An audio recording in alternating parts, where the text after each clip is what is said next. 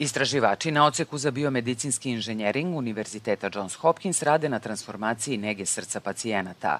Oni sada mogu da stvore personalizovani digitalni model pacijentovog srca ili digitalnog blizanca i koriste veštačku inteligenciju da pomognu da se bolje predvidi ko je u najvećem riziku.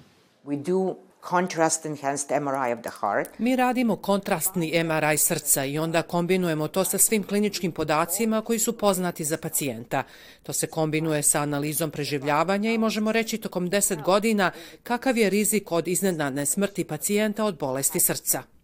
Za razliku od segmentiranih slika koje se danas najčešće koriste, profesorka Natalija Trajanova kaže da slike celog srca proizvode preciznija predviđanja o tome kojim pacijentima su potrebni defibrilatori.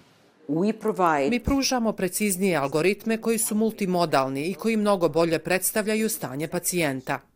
U Centru za istraživanje raka Sidney Kimmel na Univerzitetu Johns Hopkins dr. Viktor Velkulesku predvodi istraživanje o razvoju novih načina da se na vreme ustanovi rak pluća i druge vrste kancera. On i njegov tim su primetili da ćelije raka rastu i reprodukuju se haotičnije nego normalne ćelije. Kada te ćelije umru, ostave za sobom vidljive karakteristike fragmenata DNK koji kruže u krvi, nazvane DNK bez ćelija, koji sadrže podatke o tome da li osoba može da ima rak. Tim je razvio tehnologiju zvanu Delphi koja koristi nove algoritme za mašinsko učenje o analizi fragmenata DNK bez ćelija.